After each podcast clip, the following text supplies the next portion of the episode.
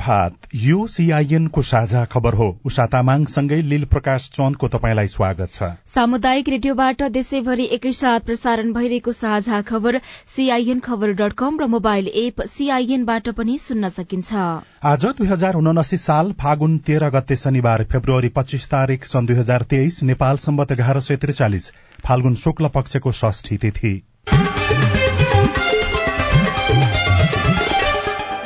साझा खबरमा प्रमुख खबरका शीर्षकहरू। एमाले सहितको सत्ता गठबन्धन दुई महिनामै भत्कियो। राष्ट्रपतिमा कांग्रेस उम्मेद्वारलाई समर्थन गर्ने आठ दलको निर्णय संसदको यही कार्यकालमा आलो पालो तीन प्रधानमन्त्री बनाउने समझदारी। आगलागीमा परि पाँच थरमा दुई बालकको मृत्यु वनको डढिलो बस्तीमा फैलदा तेह्रथोमा चौध घर जले दुई करोड़सम्मको कर्जमा पुनर्तालिकीकरणको सुविधा। साउदी अरबमा अलपत्र चौबिस नेपालीको उद्धार नयाँ विश्वविद्यालय स्थापनामा रोक लगाउन सिफारिश पर्यावरण अभियन्ता दिलीपका हत्यारालाई पच्चीस वर्ष कैद सजाय। जिम्बाब्वेमा सञ्चालित चिनिया कारखानाले कामदारमाथि श्रम शोषण गरेको आरोप। भारतको जम्मू कश्मीरमा निजी क्षेत्रको लगानी बढ़दै नाइजेरियामा आज राष्ट्रपति र संसदीय चुनाव हुँदै। र क्रिकेटर सन्दीप लामिछानेको मुद्दामा भोलि सर्वोच्चमा अन्तिम सुनवाई हुने अन्तिम फैसलाको प्रतीक्षामा क्यान बुढा सुब्बा गोल्ड कप आजदेखि।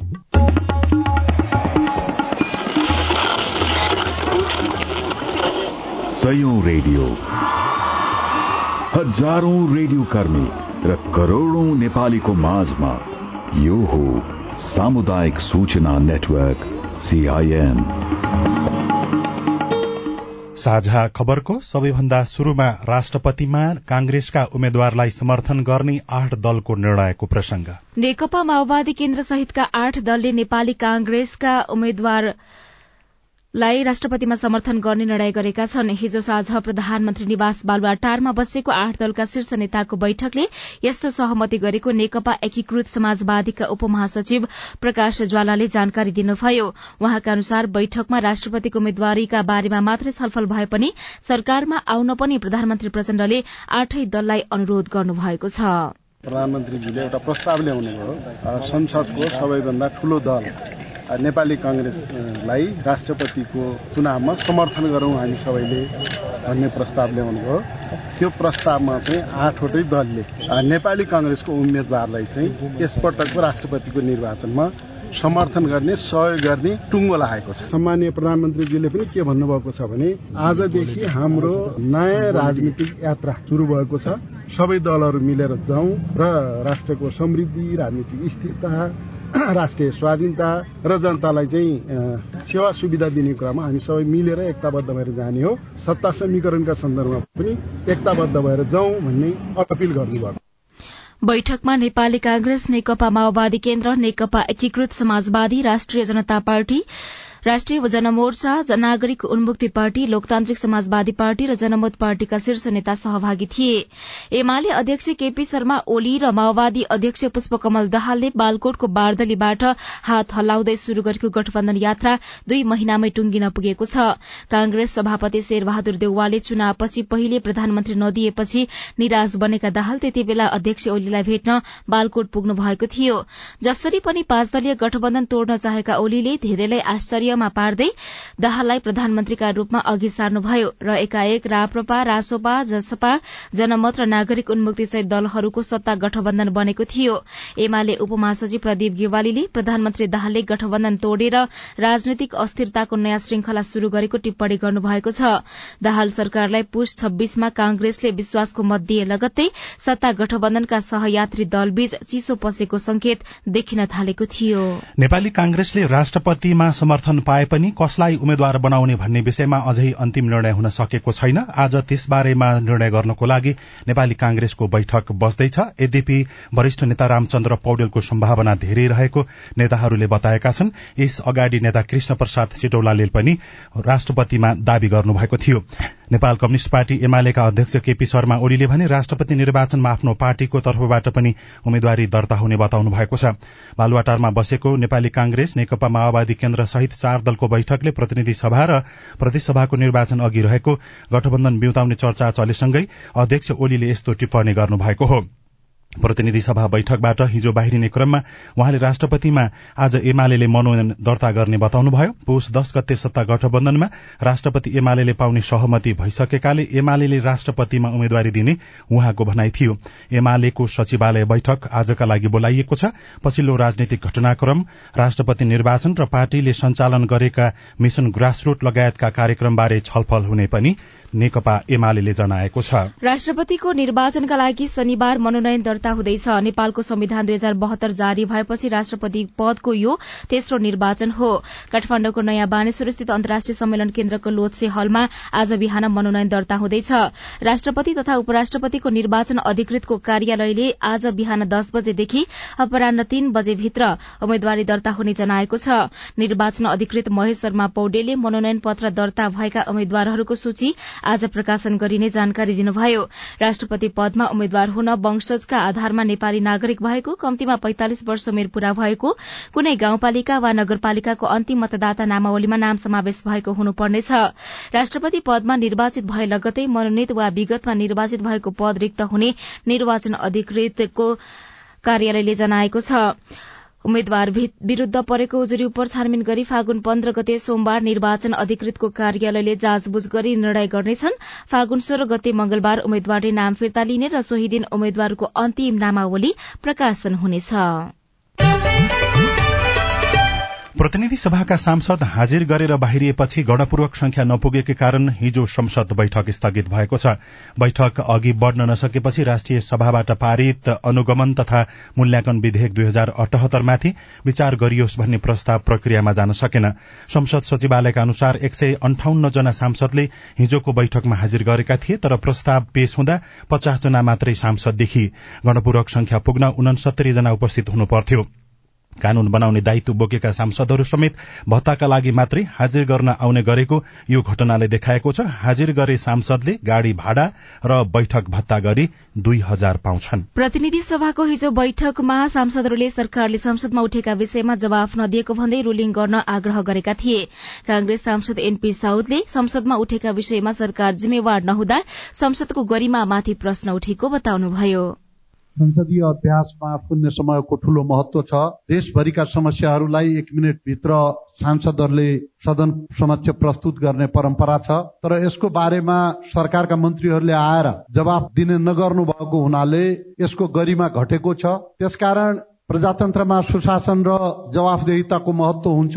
मन्त्रीहरूलाई सरकारलाई स्पष्ट रूपमा रुलिङ गरेर यहाँ आएर जवाफ दिने प्रबन्ध गरियोस्। सरकारले आफूहरूका प्रश्नको उत्तर नदिएर रहेको सांसदहरूले आरोप लगाएका थिए। त्यसपछि सभामुख घिमिरेले सरकारलाई संसदमा सांसदले उठाएका प्रश्नको जवाफ दिन रुलिङ गर्नुभयो। मान्य सदस्यहरू शून्य समय र विशेष समयमा मान्य सदस्यहरूबाट उठाइएका सवालमा सदनमा जवाफ दिनको लागि सरकारलाई म निर्देशन गर्दछु।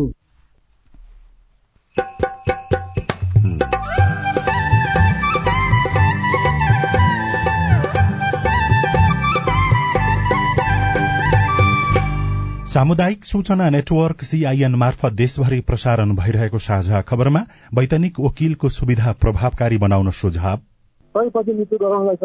हाम्रो अब कानुन मन्त्रालय महाधिवक्ता कार्यालय लागेर चाहिँ हामी कसरी त्यसलाई सही प्रतिनिधित्व गराउने परिचालन भन्ने कुरामा सोच्नुपर्छ भन्ने मलाई लाग्छ। आगलागीमा परि पाँच थरमा दुई बालकको मृत्यु वनको डढेलो बस्तीमा फैलदा तेह्रथोमा चौध घर जले साउदी अरबमा अलपत्र चौविस नेपालीको उद्धार लगायतका खबर बाँकी नै छन्। सीआईएनको साझा खबर सुन्दै गर्नुहोला। बालगृह वा संस्थाले बालगृह सञ्चालनका लागि अनुमति लिन निवेदन पेश गर्ने सम्बन्धी सूचना। बाल बालिका सम्बन्धी नियमावली दुई हजार अठहत्तरको नियम बैसठीको उपनियम एघार बमोजिम हाल नेपालभर सञ्चालनमा रहेका बाल गृह वा परिवारमा आधारित हेरचाह गर्ने संस्था वा अस्थायी संरक्षण सेवा केन्द्रले नियमावलीको नियम उनासाठी एक घ र नियम बैसठी तीन तथा अनुसूची एक बमोजिमको ढाँचा र कागजात संलग्न गरी राष्ट्रिय बाल अधिकार परिषदबाट अनिवार्य रूपमा सञ्चालन अनुमति लिनुपर्ने कानूनी व्यवस्था भएकाले यही फागुन मसान्तभित्र यस परिषदमा निवेदन पेश गर्नुहुन जानकारी गराइन्छ। यस सम्बन्धी थप जानकारी परिषद कार्यालयमा सम्पर्क गरी वा परिषदको website डब्लूडब्लूडब्लू dot NCRC dot gov dot एनपीबाट लिन सकिनेछ। राष्ट्रिय बाल अधिकार परिषद श्रीमहल पुलचोक ललितपुर। जलवायु परिवर्तनले मानव जीवन र प्राकृतिक प्रणालीमा विश्वव्यापी प्रभाव पारेको छ। आगामी दिनमा यो क्रम अझै बढ्दै जाने अनुमान गरिएको छ। तिम्रो किताबमा पनि जलवायु सम्बन्धी पाठ रहेछ नि है नविना छ नि। आज म पारिस्थितिकीय प्रणालीमा आधारित अनुकूलन अर्थात इबिए भन्ने पाठ पढ्दैछु। के रहेछ यो इबिए भनेको? जोखिममा परेका समुदायलाई प्राकृतिक स्रोत र साधनको उपयोग गरी जलवायु परिवर्तनको जोखिम न्यूनीकरण र सामना गरी जिउने र विकसित हुन सहयोग पुर्याउने कामलाई इबिए भनिन्छ। जलवायु परिवर्तनको प्रतिकूल प्रभावको सामना गर्न समुदायहरूलाई सहयोग पुर्याउने यो एउटा नयाँ अवधारणा हो। ए अनि खेती किसानी गर्ने हामीलाई पनि यसले फाइदा गर्छ? गर्छ नि। सुक्खा ठाउँहरूमा कम चिस्यानमा हुर्कन सक्ने बाली नाली लगाउने अनि पहिरो जान सक्ने क्षेत्रमा पहिरो रोकथाम गर्न सक्ने र उपयोगी बिरुवा लगाउने। समुदायलाई फाइदा हुने गरी वन चरण पानीको मुहान जस्ता स्रोतको दिगो व्यवस्थापन गर्ने कामहरू इबिए अन्तर्गत पर्छन् क्या? उसो भए त यो गजबको कुरा रहेछ त। हो त नि। धेरै गजबको कुरा हो। इबिए को योजना तयारी र कार्यान्वयन गर्दा स्थानीय जनताको सहभागिता आदिवासी जनजाति संरक्षण कर्मी प्राकृतिक स्रोत व्यवस्थापन अभियन्ता र निजी क्षेत्रका सरोकारवालाहरू बीच पनि समन्वय चाहिन्छ। जलवायु परिवर्तनले निम्ताएका चुनौतीको सामना गर्न जमिन जल र प्राकृतिक स्रोत व्यवस्थापनका सर्वोत्तम उपलब्धिहरूको कार्यान्वयन गरौं। पारिस्थितिकीय प्रणालीमा आधारित अनुकूलन आयोजना जलवायु परिवर्तन तथा व्यवस्थापन महाशाखा वन तथा वातावरण मन्त्रालय र सीआईएन सामाजिक रूपान्तरणका लागि यो हो सामुदायिक सूचना नेटवर्क सीआईएन तपाई अहिले देशभरिका सामुदायिक रेडियो सीआईएन खबर डट कम र मोबाइल एप सीआईएनबाट एकैसाथ साझा खबर सुन्दै हुनुहुन्छ। मोबाइल एप नेपाली पात्रोबाट पनि सीआईएनको साझा खबर सुनिरहनु भएको छ। अब बाँकी खबर। सरकारले गत वर्षको तुलनामा गहुँको समर्थन मूल्यमा साढे पाँच प्रतिशतले वृद्धि बढ़ाएको छ। मन्त्री परिषद बैठकले चालू आर्थिक वर्षका लागि गहुँको समर्थन मूल्य प्रति क्विन्टल तीन हजार तीन सय एकाउन्न रूपियाँ तोकेको हो। गत आर्थिक वर्ष भने गहुँको समर्थन मूल्य तीन हजार एक सय पैंसठी रूपियाँ निर्धारण गरिएको थियो। यसैबीच सरकारले आकस्मिक रूपमा घोषणा गर्ने सार्वजनिक विदाका दिन अब ब्याङ्क तथा वित्तीय संस्थाले सेवा दिनुपर्ने व्यवस्था गरेको छ। राष्ट्र ब्याङ्कले ब्याङ्क तथा वित्तीय संस्थालाई जारी गरिएको एकीकृत निर्देशन दुई हजार उनासी संशोधन गर्दै हिजोदेखि यो व्यवस्था कार्यान्वयनमा जाने जनाएको हो। अब आज काठमाडौँबाट प्रकाशित पत्र पत्रिकाको खबर। सबैजसो पत्र पत्रिकामा पर्यावरण अभियन्ता दिलीपका हत्यारालाई पच्चीस वर्ष कैद सजाय भएको खबर छापिएको छ। दुई हजार छहत्तर पुष पच्चीस गते बिहान चार बजे धनुषाको मिथिला नगरपालिका पाँच श्रीपुर स्थित औरही खोलामा ओम प्रकाश महतो दिलीपको हत्या भयो। पीड़ितले परिवारले निसाबका लागि लड़ाई लड़ेको तीन वर्षपछि हिजो फागुन बाह्र गते जिल्ला अदालत धनुषाले तीनजना दोषीलाई सजाय सुनाएको छ। धनुषाको जिल्ला अदालतले दिलीपको हत्यामा विपिन महतो र मुनिन्द्र महतोलाई मुख्य कसुरदार ठहर गर्दै जनै पच्चीस वर्ष र जितेन्द्र महतोलाई मतियार ठहर गर्दै बाह्र वर्ष जेल सजाय तोकेको छ। कान्तिपुर दैनिकको भित्री पन्नामा नयाँ विश्वविद्यालय स्थापना रोक लगाउन सिफारिश शीर्षकमा सुदीप कैनीले लेख्नु भएको छ नीति अनुसन्धान प्रतिष्ठानले अहिले सञ्चालनमा रहेका विश्वविद्यालय र क्याम्पसहरूको सुधार क्षमता विकास र स्तरीकरण बिना नयाँ विश्वविद्यालय स्थापना गर्न नहुने सुझाव दिएको छ। प्रदेशपछि नयाँ नयाँ विश्वविद्यालय स्थापना भइरहेका बेला प्रतिष्ठानले आवश्यकता र औचित्यका आधारमा मात्रै थप विश्वविद्यालय खोल्न उचित रहेको औल्याएको हो। आगामी वर्षको बजेट सीमा सोह्र खर्ब अठासी अर्ब शीर्षकको अर्को खबर छ। राष्ट्रिय योजना आयोगले आगामी आर्थिक वर्ष दुई हजार अस्सी एकासीका लागि सोह्र खर्ब अठासी अर्ब चार करोड़ रूपियाँको बजेटको सीमा निर्धारण गरेको हो। आयोगका उपाध्यक्ष मीनबहादुर श्रेष्ठको संयोजकत्वमा रहेको राष्ट्रिय स्रोत अनुमान समितिको बैठकले बजेट सीमा तय गरी सरकारलाई त्यसै अनुसार काम गर्न मार्ग निर्देशन दिएको छ। वनको डढिलो बस्तीमा फैलिँदा तेह्रथुममा चौध घर जलेको खबर नयाँ पत्रिका दैनिकमा छ। तेह्रथुमको वनमा लागेको डढिलो बस्तीमा सल्किएको छ। आठराई गाउँपालिका छ चुहान डाँडाको हात्ती खर्कमा आग लागि हुँदा चौध घर जलेका छन् भने एकजना घाइते भएका छन्। हात्ती खर्क गाउँको पुछारमा रहेको फक्चुवा खोला दोभानको जंगलबाट हिजो दिउँसो सल्किएको डढिलो माझीटार सामुदायिक वनमा पुगेको थियो। आगो फैलिँदै साँझ हात्ती खर्क गाउँको बस्तीमा पुगेको इलाका प्रहरी कार्यालय आठ राईका जुलुम चौधरीले बताउनुभयो उहाँका अनुसार आगलागीबाट फुसका चौधवटा घर जलेका छन्। आगलागीमा परि पाँच थरमा दुई बालकको मृत्यु भएको छ। हिलिहाङ गाउँपालिका साथ भारपास्थित प्रेम पन्थाको भान्सा कोठामा आगलागी भएको थियो। आगलागीमा शरण पन्थाका पाँच वर्षका छोरा सेसेहाङ र सन्तोष खातीका चार वर्षका छोरा निशानको मृत्यु भएको प्रहरीले जनाएको छ। बालक खाती सोही घरमा बस्दै आएका थिए भने छिमेकी शरणका छोरा सेसेहाङ उनीसँग खेल्न त्यहाँ पुगेका थिए। आगलागीबाट घर पनि ध्वस्त भएको छ। राजधानी दैनिकमा विदेशी क्रम बढ़्यो। माघमा श्रम स्वीकृति लिनेको संख्या चौसठी हजार पुगेको बारेमा पूर्ण भक्त दुवालले लेख्नु भएको छ। माघ महिनामा चौसठी हजार भन्दा धेरै नेपालीले वैदेशिक रोजगारीमा जान श्रम स्वीकृति लिएका छन्। श्रम स्वीकृति लिनेमा सबैभन्दा बढ़ी धनुषा जिल्लाका नागरिकहरू रहेका छनृ। अर्को खबर सरकारको ध्यान कर्मचारी सरूवामा केन्द्रित शीर्षकमा छ सरकारको ध्यान कर्मचारी सरूवामा बढ़ी केन्द्रित हुन थालेको देखिएको छ। पुष्पकमल दाहाल प्रचण्ड नेतृत्वको सरकार बनेको। दुई महिनाभित्रै सचिव सहसचिव उपसचिव गरी सयौं कर्मचारीको सरूवा भइसकेको छ। सरकारले शुक्रबार हिजो मात्रै एकसठी जना सहसचिवको सरूवा गरेको छ। यसअघि दर्जनौं संख्यामा सचिवको सरूवा भएको थियो भने ठूलो संख्यामा सहसचिव र उपसचिवको पनि सरूवा हुने क्रम जारी रहेको छ। नेपाल राष्ट्र ब्याङ्कले साना तथा मझौला उद्योग व्यवसायमा प्रवाह भएको दुई करोड़ रूपियाँसम्मको कर्जालाई पुनर्संरचना तथा पुनर्तालिकीकरण गर्न सक्ने व्यवस्था गरेको छ। राष्ट्र ब्याङ्कले क ख र ग वर्गका ब्याङ्क तथा वित्तीय संस्थालाई जारी गरिएको एकीकृत निर्देशिका दुई हजार उनासीमा संशोधन तथा परिमार्जन गरेर सो व्यवस्था गरेको हो। साना तथा मझौला उद्योग व्यवसाय सञ्चालनलाई सहजीकरण गर्न ब्याङ्क तथा वित्तीय संस्थाबाट प्रवाह भएको दुई करोड़ रूपियाँसम्मको कर्जालाई सम्बन्धित ऋणीको अनुरोधमा उद्योग व्यवसाय को नगद प्रवाह तथा आमदानी विश्लेषण गरी एक पटकका लागि ऋणीले बुझाउनुपर्ने ब्याजको दश प्रतिशत रकम असुल गरी कर्जाको पुनर्संरचना तथा पुनर्तालिकीकरण गर्न सक्ने व्यवस्था गरिएको हो। वैदेशिक रोजगारीका क्रममा साउदी अरब पुगेर अलपत्र परेका चौविसजना युवालाई स्वदेश फर्काइएको छ। चार महिनादेखि साउदी अरबको रियादमा अलपत्र परेका ती युवालाई साउदी अरबमा रहेको नेपाली दूतावास र साउदी गैर आवासीय नेपाली संघ एनआरएनको पहलमा स्वदेश फर्काएको हो। गोर्खापत्र दैनिकमा खबर छ। साझा खबरमा अब हेलो सीआईएन सुशीला श्रेष्ठबाट। रामेछाबाट भुवन खपाङ्गी मगर सीआईएनको इमेल मार्फत सोध्नुहुन्छ नवलपरासीबाट बनेको मेरो श्रीमतीको नागरिकता हरायो मेरो नाम सहितको नयाँ प्रतिलिपि बनाउन के गर्नुपर्छ? भुवनजी तपाईँको प्रश्नमा रामेछापका प्रमुख जिल्लाधिकारी शोभाकर रेग्मीको जवाब छ। उहाँले पतिको नाम थपेर प्रतिनिधि लिने हो रामेछापबाट होइन? उहाँको ओरिजिनल नागरिकता भनेको नवलपरासीकै हो। उहाँले नवलपरासीको नागरिकता यहाँ पेश गर्नुहुन्छ।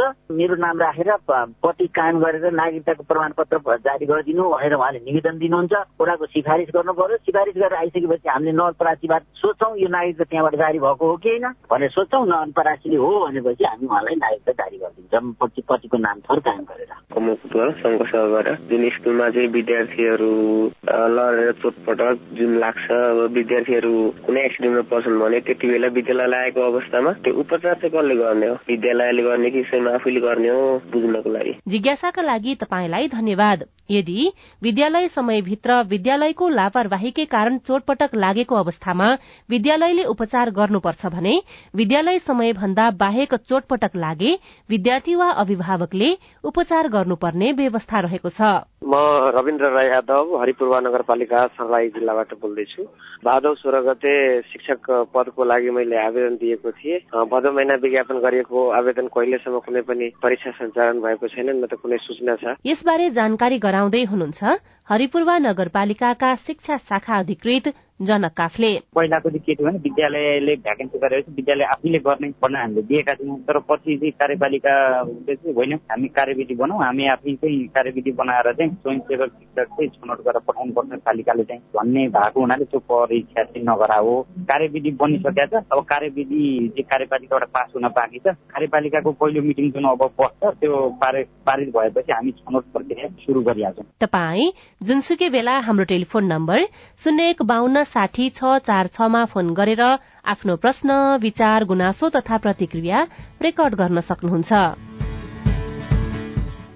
साझा खबरमा अब विदेशका खबर। प्रहरीले राष्ट्रपति र संसदीय चुनावको एक दिन अघि अर्थात शुक्रबार पाँच लाख अमेरिकी डलर नगद बोकेको आरोपमा नाइजेरियामा एक सांसदलाई पक्राउ गरेको छ। नाइजेरियाको प्रतिनिधि सभाका सदस्य एक वयलाई आफ्नो कारमा रहेको झोलाभित्र पैसा लिएर वितरण सूचीका साथ यात्रा गरिरहेको अवस्थामा फेला। पक्राउ गरिएको हो।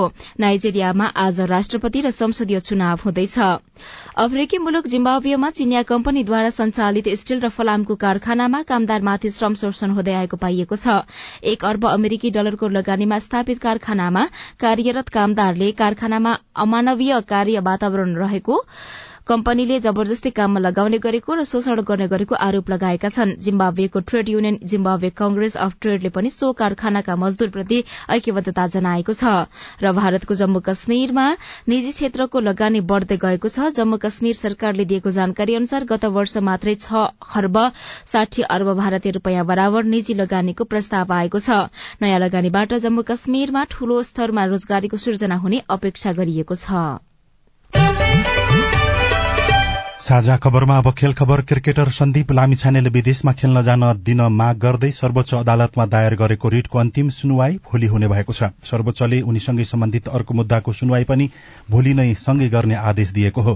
लामिछानेबारे महान्यायाधिवक्ता कार्यालयले दिएको रिट पनि सर्वोच्चमा रहेकाले यी दुवै रिटलाई भोलि नै सँगै राखेर हेर्न आदेश दिएको हो। नाबालिका बलात्कार मुद्दामा उच्च अदालत पाटनबाट बीस लाख रूपियाँ धरोटीमा छुटेका लामिछानेलाई विदेश जानको लागि रोक लगाइएको छ। नेपाल क्रिकेट संज्ञानले सर्वोच्च अदालतको अन्तिम फैसलाको प्रतीक्षामा रहेको जनाएको छ। अदालतले सन्दीपलाई विदेश भ्रमण जान अनुमति दिँदा सोही अनुसार प्रक्रिया अगाडि बढ़ाउने क्यानका कार्यवाहक सचिव दुर्गा राज पाठकले जानकारी दिनुभएको छ। तेइसौं बुढा सुब्बा गोल्ड कप फुटबल प्रतियोगिता आजदेखि धरानमा शुरू हुँदैछ। प्रतियोगिताको सबै तयारी पूरा भएको आयोजक धरान फुटबल क्लबका अध्यक्ष किशोर राईले पत्रकार सम्मेलन मार्फत जानकारी दिनुभएको छ। र मचिन्द्र अनि Tribhuvan army football club KP Oli cup राष्ट्रिय फुटबल प्रतियोगिताको सेमी फाइनलमा प्रवेश गरेका छन्। सातो बाटो स्थित एन्फा कम्प्लेक्समा हिजो भएको पहिलो खेलमा आर्मीले न्युरो टीम एनआरटी विरूद्ध पेनाल्टीमा जीत निकालेको हो। वैतनिक वकिलको व्यवस्था र यसको प्रभावकारिता रिपोर्ट अरू खबर र कार्टुन पनि बाँकी नै छ। सीआईएनको साझा खबर सुन्दै गर्नुहोला। खै यतै कतै कतै भन्थे यता हो कि तल हो कि माथि कता? सर नमस्ते। हजुर नमस्ते नमस्ते। हजुर के सेवा गरौं? सूचनाको हक भन्ने बारेमा रेडियो टिममा खुब सुनिन्थ्यो। हजुर। आज पालिकामा छिरेको बेलामा सोधिहाले हजुरलाई। तपाईँले सही व्यक्तिलाई सही प्रश्न सोध्नुभयो। म चाहिँ यो पालिकाको सूचना अधिकारी हुँ। सूचनाको हक भनेको संविधान कानूनमा उल्लेख भएको नागरिकको अधिकार हो हजुर। अनि यो अधिकार त पत्रकारले मागे पाए भन्ने मात्रै सुनिन्छ त। हामी जस्ता सामान्य मानिसले कसरी प्रयोग गर्ने? सूचना माग्ने पत्रकारले मात्रै होइन। कुनै पनि नेपाली नागरिकले सूचना प्राप्त गर्ने कारण उल्लेख गरी सम्बन्धित सूचना सूचना अधिकारी समक्ष निवेदन दिनुपर्छ। विधि र प्रक्रिया पूरा गरी निवेदन प्राप्त भयो भने सूचना अधिकारीले पन्ध्र दिन भित्रमा उपलब्ध गराउनु पर्ने सूचनाको हक सम्बन्धी ऐनमा भनिएको छ। पन्ध्र दिन पो कुर्नु पर्ने व्यक्तिको जीवनको सुरक्षासँग सम्बन्धित सूचना माग गरिएको हो भने नि हजुर चौबिस घण्टा भित्रै जानकारी दिनुपर्छ। अनि सरकारी वा सार्वजनिक निकायका अधिकारीले सूचना लुकाएमा पच्चिस हजारसम्म जरिवाना हुने व्यवस्था ऐनमा छ। त्यसका लागि चाहिँ राष्ट्रिय सूचना आयोगमा पुनरावेदन गर्नुपर्छ। अनि यो सूचना माग्दा पैसा पनि लाग्छ? लाग्दैन लाग्दैन। निवेदन उजुरी र पुनरावेदन गर्दा पैसा लाग्दैन। सम्बन्धित निकायले दिने सूचना दस पन्ना भन्दा बढीको भएमा चाहिँ प्रति पन्ना पाँच रुपियाँ तिर्नुपर्छ। ल कुरो बुझ्यो। अब भोलि नै म पनि सूचना माग्न आउँछु। हस् हस्। अस्ट्रेलिया सरकार र द एसिया फाउन्डेशनको साझेदारीमा सञ्चालित स्थानीय सरकार सबलीकरण कार्यक्रम र अकोराब नेपाल। सामाजिक रूपान्तरणका लागि यो हो सामुदायिक सूचना नेटवर्क सीआईएन साझा खबरमा अब वैतनिक वकिलले प्रदान गर्ने कानूनी सहायताको कुरा। नेपालमा न्याय प्राप्ति सहज छैन। घुमाउरो न्याय प्रणाली र सुस्त शैलीका कारण विपन्न वर्गका नागरिकका लागि कानूनी लड़ाई झन कठिन छ। आफ्नो पक्षको कानूनी पैरवी गर्न कानून व्यवसायी आवश्यक पर्छ। आफ्नो पक्षका कुरा राख्न कानून व्यवसायी नियुक्त गर्न नसक्ने नागरिकका लागि सरकारले निशुल्क सहायता दिँदै आएको छ।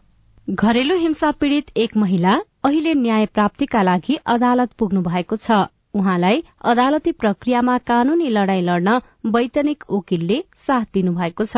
धनी नानीहरूले त अब जतिसुकै पैसा लगाएर जे गरेर पनि अब लड्न सक्ने भए अब गरिबहरूले त सक्दैनन् नि त बाहिरबाट चाहिँ थाहा पाएन। अदालतमै गइसकेपछि ठिक छ हजुरको केस म लड्छु भनेर उहाँले नै भन्नुभयो त्यहीबाट थाहा पाएको। उहाँ जस्तै आर्थिक अवस्था कमजोर भएकै कारण न्याय पाउनबाट वञ्चित हुनुपर्ने अवस्था धेरै प्रभावितको छ। त्यस्ता व्यक्तिलाई कानूनी सहायता उपलब्ध गराउन सरकारले वैतनिक वकिलको व्यवस्था गर्ने गरेको हो। असहाय निरक्षर अवोध बालबालिका विपन्न अपाङ्गता भएका लगायतका न्यायमा पहुँच नभएका नागरिकले वैतनिक वकिल मार्फत निशुल्क न्यायिक सेवा पाउन सक्छन्।